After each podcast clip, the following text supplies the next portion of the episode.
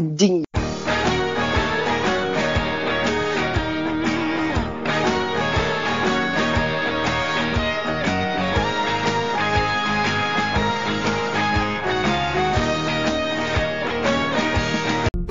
Balik lagi di podcast Sao Masih bersama saya Diki alias Suhu Bangsit. Kali ini episode ke 34 atau 35 gitu Nggak.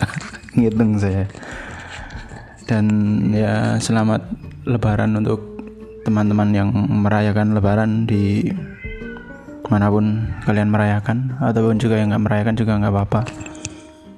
Karena saya juga sendirian tidak merayakan gitu kan. Saya pakai untuk tidur dan hal-hal positif lainnya. Oke. Dan itu tadi ucapan selamat. Sebenarnya saya nggak tahu nih mau ngomong apa gitu. Cuman ya waktunya untuk rekaman ya rekaman gitu. Nggak ada temen lagi kayak gitu kayak minggu kemarin masih ada gitu. Tandem untuk uh, berbincang-bincang gitu. Sedangkan hari ini ya mungkin efek lebaran kali. Jadi teman nggak ada gitu kan. Nggak ada yang bisa ditelepon juga gitu. Keluarga mungkin juga melupakan saya gitu ya itulah nasib. Dan gak penting juga gitu kalian mendengarkan curhatan saya. Nah apa ya? Sebenarnya banyak sih yang ingin di uh, berbincangkan gitu berhubung nggak ada temennya gitu. Jadi ya mungkin bisa jadi hambar kali. Jadi ini lebih ke arah sharing apa ya tentang pemikiran aja sih mungkin. Bagi teman-teman yang relate atau nggak relate juga nggak masalah gitu. Jadi kalau berbicara soal cat person nah itu akhir-akhir ini saya kan sering gitu untuk ngasih makan kucing-kucing liar gitu kan. Dan apa ya ya itulah paling untuk ngasih makan sih ya. Jelas pengeluaran jadi lebih lebih lagi gitu karena mm, yang saya kasih makan satu gitu malah bawa semua keluarganya. Jadi pertama ngasih satu makan kucing ternyata banyak keluarganya. Ada anaknya dua gitu istrinya satu dan ada anak yang gede lagi satu. Berarti anaknya ada tiga gitu lima gitu. Udah kalau masuk ke kamar itu waduh. Apalagi kucing liar ya kotor gitu ya. Dimandiin juga nggak mau gitu. Cakarnya itu yang bikin uh, sakit. Gitu ya itulah. Dan soal cat person juga gitu. Ternyata fakta di balik cat person ini cukup apa ya kalau dibilang uh, susah. Susahnya itu gini di kebanyakan teman-teman yang saya kenal atau orang-orang yang saya pernah lihat di sosial media gitu. Itu uh, banyak yang suka sama kucing gitu. Nggak tahu itu beneran suka atau cuman kayak uh, apa ya katanya aku aku lupa ini. Kayak ya itulah dibuat-buat untuk suka gitu apa ya bilangnya ya, istilahnya itu. Uh, ya itulah pokoknya. Teman-teman pasti paham lah. Nah itu nggak dipungkiri juga gitu. Ada yang suka beneran dan ada yang suka-sukaan hanya untuk image-nya gitu. Supaya bisa dilihat sama orang lain itu wah dia punya yang binatang ya waduh keren gitu. Dan ternyata untuk menjadi cat person ini juga itu juga dibutuhkan wajah yang menarik gitu jadi kalau teman-teman punya wajah yang pas-pasan meskipun secinta-cintanya dengan kucing gitu ya apa ya? Dianggap person yang mediocre gitu. Bahkan sering disebelikan gitu gara-gara persoalan wajah gitu. Jadi kebanyakan apa ya yang konten-kontennya kucing tuh jarang untuk ngekspos wajah mereka gitu. Mungkin ya itu sih salah satunya kurang beda atau emang fokusannya buat kucingnya gitu cuman yang jadi sorotan tuh ini. Nggak semua orang tuh yang bisa jadi cat person itu mudah untuk mendekati lawan jenis gitu. Khususnya untuk para cewek-cewek. Cewek-cewek kan suka gitu sama dengan sama yang namanya cat person gitu kan tapi nggak semua cat person yang mereka sukai gitu kan. Harus ada wajah yang tampan-tampan sedikit gitu. Kalau yang wajah pas-pasan ya itu tadi udah. Kalau emang suka beneran sama kucing sih nggak apa-apa gitu. Kalau takutnya kan jadi, jadi apa ya suka-sukain gitu. Jadi buat image yang kayak gitu tuh. Kasihan. Udah effort sana sini gitu kan eh masih aja jadi cat person yang mediocre itu. Dan susahnya juga jadi cat person itu ini ya. Selalu ini apa namanya di cakar-cakar kucing gitu. Itu kasihan juga tuh saya lihatnya teman-teman yang punya kucing gitu. Bahkan ada salah satu teman saya itu uh, pelihara kucing cuman kucingnya tuh sukanya boker di tempat tidurnya gitu. Jadi dia pulang kerja gitu. Selalu dikasih hadiah tai kucing di atas kasurnya gitu. Untungnya kasurnya tuh masih ada apa namanya plastik gitu. Jadi ya ya itu ya tetap susah sih bersihnya. Itu, itu resiko jadi cat person. Emang ada-ada aja gitu. Dan um, balik lagi ke topik yang tadi tuh soal cat person. Jadi teman-teman yang mau deketin cewek dengan cara menjadi cat person itu tadi ya dicukupkan lah. Kasihan juga kucingnya hanya untuk apa ya sebagai topik gitu untuk menyambung sesuatu gitu. Untuk menyambung sesuatu kayak gitu. Kasihan gitu. Dia juga makhluk hidup gitu kan. Si jadiin topik gitu. Itu sama aja kayak hmm, kalian mendekati janda gitu kan dengan bahasan anaknya gitu. Gimana anaknya? Sudah bisa jalan belum gitu? Atau yang udah gede mungkin uh, udah agak lama gitu. Oh anaknya sudah kelas berapa gitu? Sukanya makan apa? Itu hampir sama sih kalau menurut saya. Mendekatin cewek dengan cara topik yang itu tadi topik coaching gitu. Jadi janganlah. Kalau bisa sih jangan. Kalau emang mentok dengan cara itu ya silakan gitu. Tapi kalau teman-teman emang suka sama binatang atau kucing itu ya ya itu modal tambahan untuk mendekati lawan jenis. Ya itu tadi sih susahnya jadi cat person gitu kan. Dan juga ini soal ini ya ganti ke Idul Fitri gitu Idul Fitri dua tahun ini terkesan sepi gitu kalau saya ya. Soalnya saya nggak merayakan untuk dua tahun ini gitu. Tapi nggak tahu nih soalnya tahun ini nih uh, banyak gitu yang mudik dengan alasan bermacam-macam gitu. Ada yang udah start mudik dari seminggu sebelum larangan itu kan. Ada juga yang mudik dengan cara dinas luar kota gitu. Itu banyak banget gitu. Dan ini ya yang jadi problematika tuh. Kalau semisal balik gitu kan ya semoga sih nggak nggak bawa penyakit aneh-aneh gitu kan. Takutnya nanti membawa penyakit yang dari kampung halaman. Istilahnya kalian berangkat tuh sehat gitu kan. Balik-baliknya malah bawa penyakit gitu. Dan yang ngerinya juga kan di negara lain kan apa si virus ini udah berkembang gitu kan dan menjadi liar gitu kan jadi apa ya yang terlintas di pikiran tuh waduh pasti ini bakalan pecah nih kalau balik lagi nih kan. Efek uh, mudik tadi itu. Jadi lebih ngeri lagi lah gak tahu juga nih. Semoga aja sehat-sehat semua tuh teman-teman yang mendengarkan podcast sang aku ini. Yang mendengarkan ya gak tahu lah terserah mereka gitu. Yang jelas sih pasti ada lah soalnya yang berita yang nggak tahu hoax apa enggak gitu berita yang saya baca tuh kemarin yang maksa mudik tuh ketika di swab atau di tes gitu ada yang positif berapa ribu gitu. Ya gitu alasannya banyak gitu ingin melihat orang tua atau apa gitu. Ya alasannya sih baik-baik semua sih. Nggak ada alasan yang aneh-aneh gitu.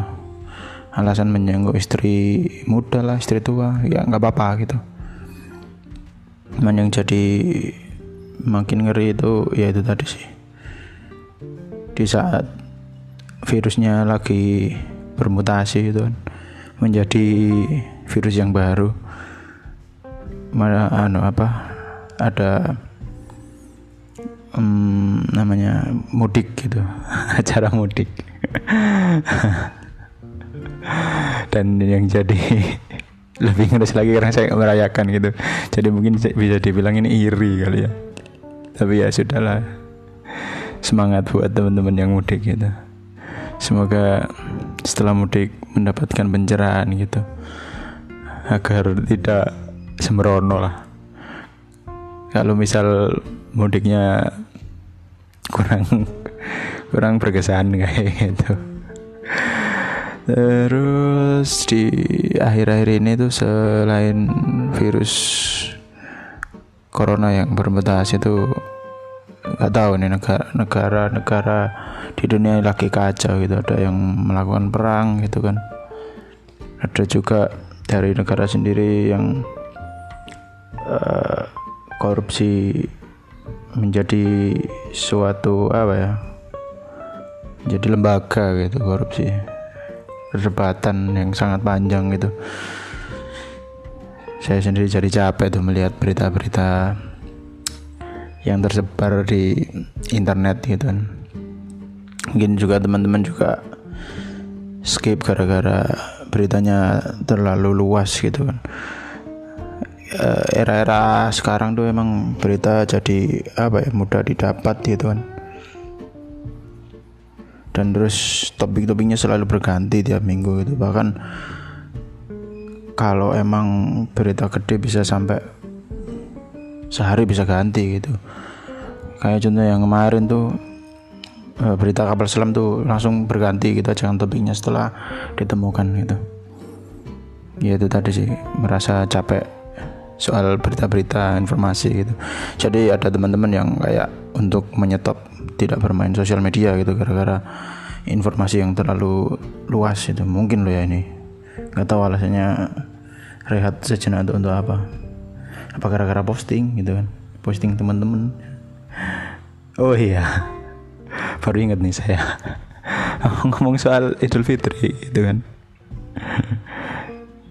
Untuk minggu-minggu ini masih banyak dan masih sering itu dijumpai postingan soal keluarga gitu kan soal foto bersama baju lebaran gitu kan. Uh, ucapan template WhatsApp. Itu saya juga kena tuh sama teman saya tuh. Ketika meminta maaf gitu. Langsung di komen wah ini template WhatsApp ini gitu ya mau gimana lagi gitu kan daripada ngetik banyak-banyak gitu kan ke banyak orang. Mending ya di copy paste gitu yang penting kan niatnya. Terus balik lagi tuh soal ucapan juga itu kan.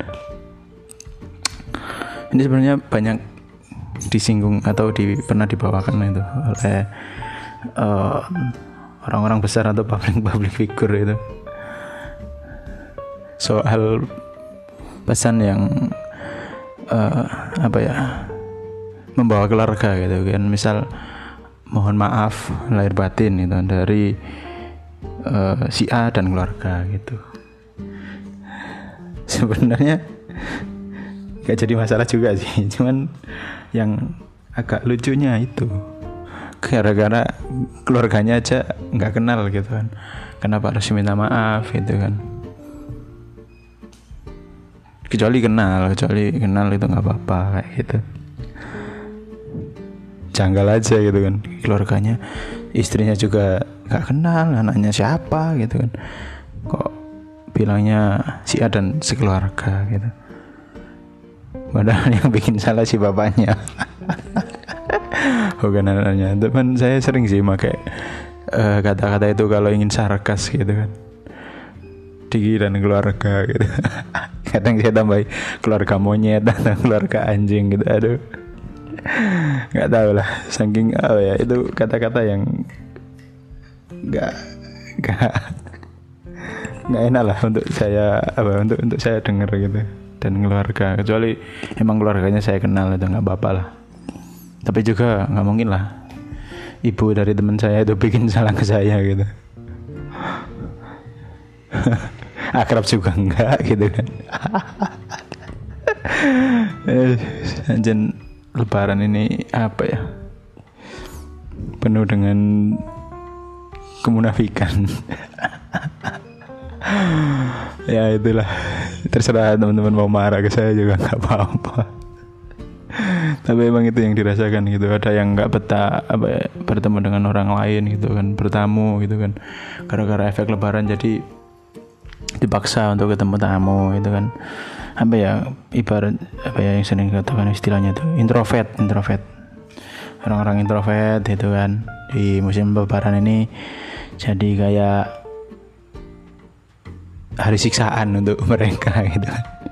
Karena harus bertemu dengan tamu yang sangat banyak gitu. Yang biasanya hanya di kamar nontonin YouTube gitu kan. Atau juga dengerin lagu. Ini dituntut untuk keluar rumah dan minta maaf. Yang tetap ini dia nggak kenal gitu. Tetangganya ini siapa?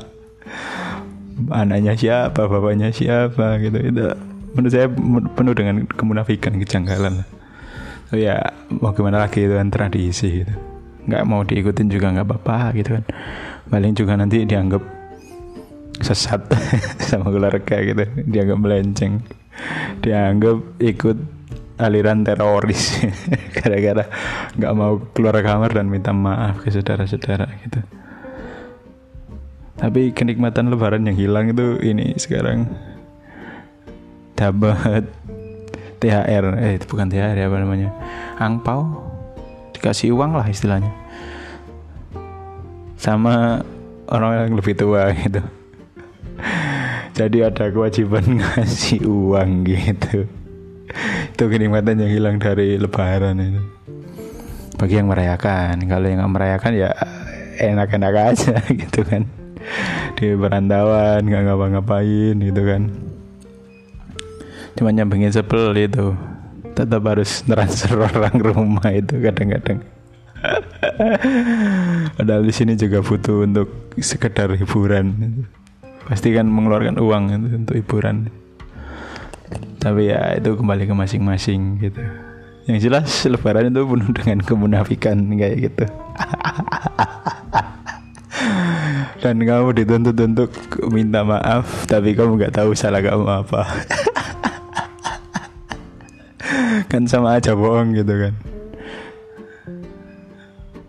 Ibaratnya tuh kalau maaf kan tahu gitu kan salahnya apa untuk dikoreksi supaya nggak bikin salah. Seperti itu tadi ke depannya itu barat kayak kayak apa ya? Guyon lah guyon terus. Guyonnya itu kebablasan dan minta maaf gitu. Jadi guyonnya bisa diperbaiki lagi ke depannya gitu. Kalau di Idul Fitri nggak tahu tuh salahnya yang mana gitu. Bahkan sama tetangga yang jarang ngumpul gitu kan jarang kelihatan gitu jarang berkomunikasi. Kita dituntut untuk minta maaf gitu. Tapi emang apa ya caranya baik sih untuk ya itu tadi minta maaf. Meskipun nggak tahu salahnya itu apa gitu. Tapi kalau di logika juga ya buat apa gitu kan minta maaf tanpa tahu salah kamu itu apa gitu kan. Nanti kan jadi timbul mental um, mental itu ya apa namanya suka minta maaf ke orang lain tuh. Kalau di baca bajuri kayak mbok mina gitu kan. Apa apa minta maaf dulu gitu kan. Ya. Ini cukup lucu untuk saya Oh iya ngomong-ngomong soal Idul Fitri itu ini biasanya Bajai Bajuri itu juga mengeluarkan edisi Lebaran tuh biasanya. Itu sitcom yang paling saya suka itu, soalnya apa ya dapat lah unsur humornya, unsur kritikannya tuh dapat kalau kata saya. Meskipun apa kaum kaum feminis tidak begitu suka ya dengan kepatriarkian Bajai Bajuri gitu cuman itu lucu lah untuk untuk sebuah sitcom itu, itu sih yang paling enak tuh Bajai Bajuri sampai sekarang bahkan saya masih nonton di YouTube itu. Bagi teman-teman yang ingin nonton tuh saya sangat menyarankan nonton Bajai Bajuri itu di Netflix di Netflix di YouTube. Balik lagi soal lebaran itu tapi maaf ya untuk pembuka tadi tiket person. Karena saya tadi dari tadi tuh diganggu kucing-kucing gitu meong meong meong meong. Ya itu tadi tuh bikin saya lupa sama topik lebaran gara-gara si kucing liar itu kucing kampung gitu sekarang udah nggak ada kan udah pergi mungkin karena pintu saya tutup. Ngomong-ngomong soal lebaran nggak lepas dari mudik kan ya. Nah sebenarnya mudik itu kalau menurut saya tuh kalian hanya menuruti ego dari ayah atau ibu kalian gitu kan? Yang menyuruh kalian untuk ikut dalam perjalanannya gitu. Atau bahkan uh, hanya menuruti ego dari kakek nenek kalian gitu kan? Yang menyuruh ayah ibu kalian untuk pulang gitu kan? Sedangkan kalian nggak punya pilihan gitu. Kalau nggak ikut nggak ada yang masakin gitu kan? Terus nggak ada yang bersih bersih rumah gitu kan sepian di rumah. Teman-teman kalian juga pada mudik kayak gitu. Jadi ya itulah. Akhirnya dengan terpaksa kalian ikut mudik dan diberondong oleh sejuta pertanyaan yang kalian sendiri juga gak mempertanyakan itu gitu kan. Sebelum kalian ikut mudik kayak gitu. Jadi pertanyaan itu muncul tanpa sebelumnya itu kalian pertanyakan kayak gitu. Itulah efek dari menuruti ego orang lain kayak gitu. Terpaksa ikut akhirnya ya itu tadi. Jadi diberondong sejuta pertanyaan gitu. Eh gimana kabar gini-gini? Gitu kan. Eh gimana sekarang? Oh gitu. Dan ya itu tadi sih. Karena atas dasar kalian terpaksa jadi ya setengah hati gitu kan untuk menjawabnya gitu tapi justru itu apa ya kenikmatan ya mungkin ya. Jadi kalian itu merekam momen-momen tidak menyenangkan dari suatu hari raya gitu. Tapi beda lagi kalau emang kalian udah excited untuk ikut gitu kan. Bisa kumpul bisa itu itu beda lagi gitu kan. Kalau orang-orang yang nggak punya pilihan ya terpaksa ikut dan akhirnya dikasih pertanyaan yang sulit untuk dijawab atau bahkan nggak dipertanyakan sebelumnya kayak gitu. Ya itu efek dari lebaran yang menurut saya yang dari apa pendapat saya yang tidak pernah mudik. Hampir 25 tahun gitu kan karena ya saya kumpul sama kakek nenek saya gitu jadi nggak pernah merasakan mudik gitu tapi itulah indahnya mudik. Selain bermaaf-maafan ya itu tadi sih. Kumpul dengan keluarga gitu. Itu bagi yang apa ya? Yang dekat sama keluarga gitu. Yang gak dekat sama keluarga juga ngapain gitu kan kumpul sama keluarga? Paling di rumah juga kumpul keluarga masing-masing gitu uh, si anak di kamar gitu ayahnya juga tiduran gitu atau ibunya yang keluyuran gitu momen bareng keluarga apa itu yang didapat kalau sama keluarga sendiri nggak dekat gitu kan? Tapi ada loh yang kayak gitu ada. Karena kan apa ya keluarga orang beda-beda gitu kan. Ada yang emang keluarganya deket itu sampai foto bareng gitu kan. Pakai baju seragam gitu. Ya itulah pokok pokoknya itulah. Apa ya keluarga keluarga menengah ke atas lah itu istilahnya. Yang selalu kompak dan selalu share story ataupun konten di Instagram kayak gitu. Hanya untuk sekedar maaf-maafan atau habis sholat itu itu berfoto bersama kayak gitu. Ya memang ah, ya kehidupan di era sekarang tuh ya seperti itu gitu. Mungkin kalau di era zaman dahulu ada kamera dan ada sosial media mungkin juga sama aja gitu kan di zaman siapa?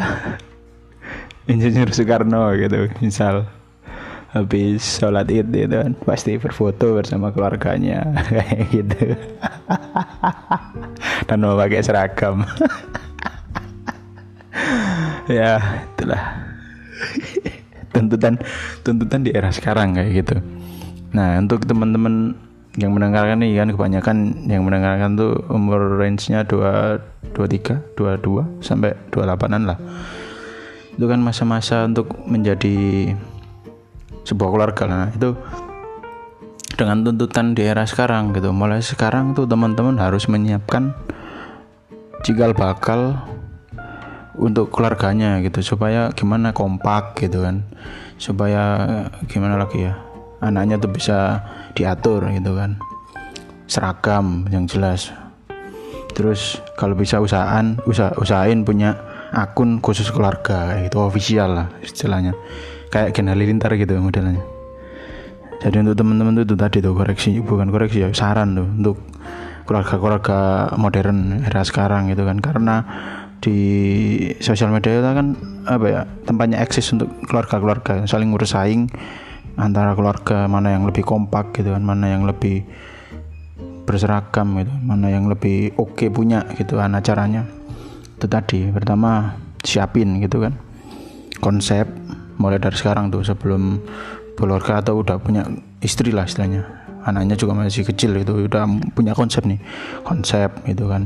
Mau seragamnya warna apa nih tahun ini sampai lima tahun ke depan kayak gitu. Terus siapin juga akun sosial media gitu, yang official ya jadi nanti apa setiap kegiatan keluarga tuh bisa terrekord di situ gitu kan.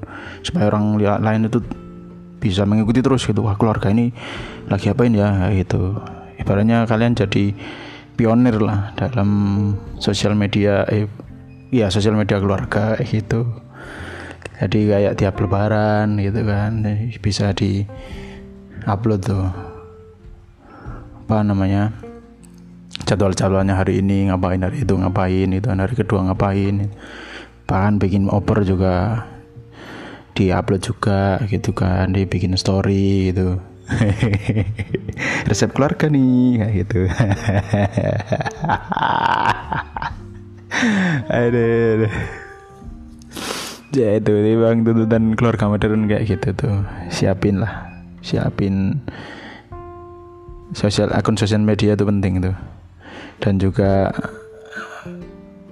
tiap pasti ada kan hari-hari besar gitu entah dan atau pesta akhir tahun itu itu supaya bisa terupdate gitu kan. Supaya keluarga kalian itu tetap jadi yang oke punya gitu kan yang kompak dan kece habis gitu. Itu penting. Lumayan juga kan kalau follower gede nanti bisa dapat adsense gitu kan. Gak apa-apa lah yang sukses di jalan itu kan ada tuh keluarga halilintar kayak gitu. Itu juga membuka peluang tuh supaya keluarga kalian juga bisa menghasilkan uang kayak gitu. Indahnya lebaran gitu. Uh, selain itu juga gitu. Lebaran juga membawa kesedihan membawa kesedihan. Untuk orang-orang yang nggak bisa pulang nggak penting lah itu. Ya itu saja lah dari saya. Saya juga bingung mau ngomong apa lagi. Yang jelas ini cat person itu orang yang mengada-ada. Fucking cat person. Jangan jadikan kucing untuk al untuk jangan jadikan kucing sebagai alat untuk PDKT ke lawan jenis. Kalian sama aja kayak membuat topik tentang anak dari si janda atau si duda tersebut gitu. Janganlah. Kasihan juga kucingnya gitu. Hak asasi kucing kan harus ditegakkan gitu. Jika emang dari awal suka cat juga nggak apa-apa gitu ya itu sih closing statementnya. Sama di hari lebaran yang suci ini gitu kan. Kuat-kuatin deh untuk yang introvert itu minta maaf. Dan untuk keluarga yang solid dan GC gitu kan. Yang selalu eksis gitu. Jangan lupa bikin official akun di Instagram atau di YouTube itu supaya keluarga lain nggak ketinggalan updatean dari kalian gitu. Itu sih closing statement hari ini dadah. Fuck you cat person. Anjing. Sekian dari saya. Bye